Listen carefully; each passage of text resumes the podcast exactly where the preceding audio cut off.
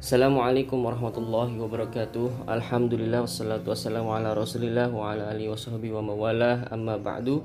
Ikhwafillah yang dirahmati oleh Allah subhanahu wa ta'ala Pada kesempatan kali ini insyaAllah saya akan menyampaikan Sebuah hadis dan juga sebuah ayat suci Al-Quran di mana di dalamnya terdapat juga penjelasan terkait hadis dan ayat suci Al-Quran tersebut.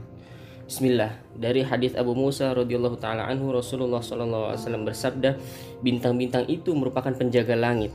Jika bintang itu lenyap maka terjadilah apa yang dijanjikan kepadanya.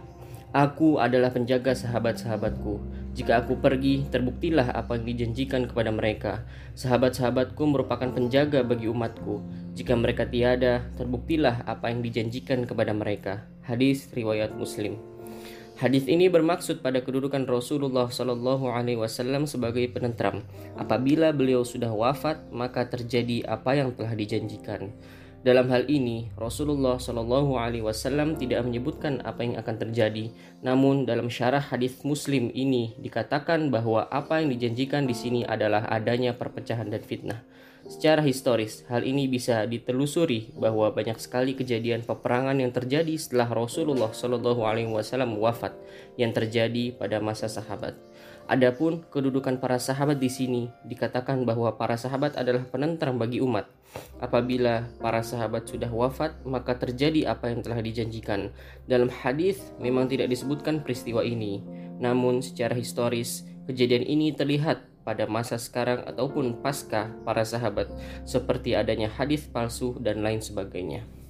Ikhwafillah, dalam Al-Quran Allah berfirman, Hai orang-orang yang beriman, janganlah kamu mengkhianati Allah dan Rasul Muhammad Sallallahu Alaihi Wasallam dan juga janganlah kamu mengkhianati amanat-amanat yang dipercayakan kepadamu. Sedang kamu mengetahui Quran Surat Al-Anfal ayat 27. Dari firman tersebut dapat ditarik kesimpulan mengenai larangan berkhianat melalui kisah Abu Lubabah yang sempat menjadi pengkhianat namun segera bertaubat.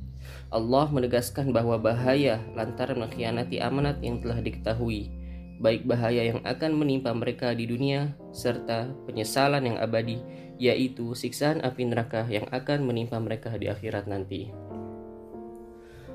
Baik ikhwafillah mungkin cukup sekian yang dapat saya sampaikan pada kesempatan kali ini mudah-mudahan bermanfaat di dunia dan akhirat untuk kita semua.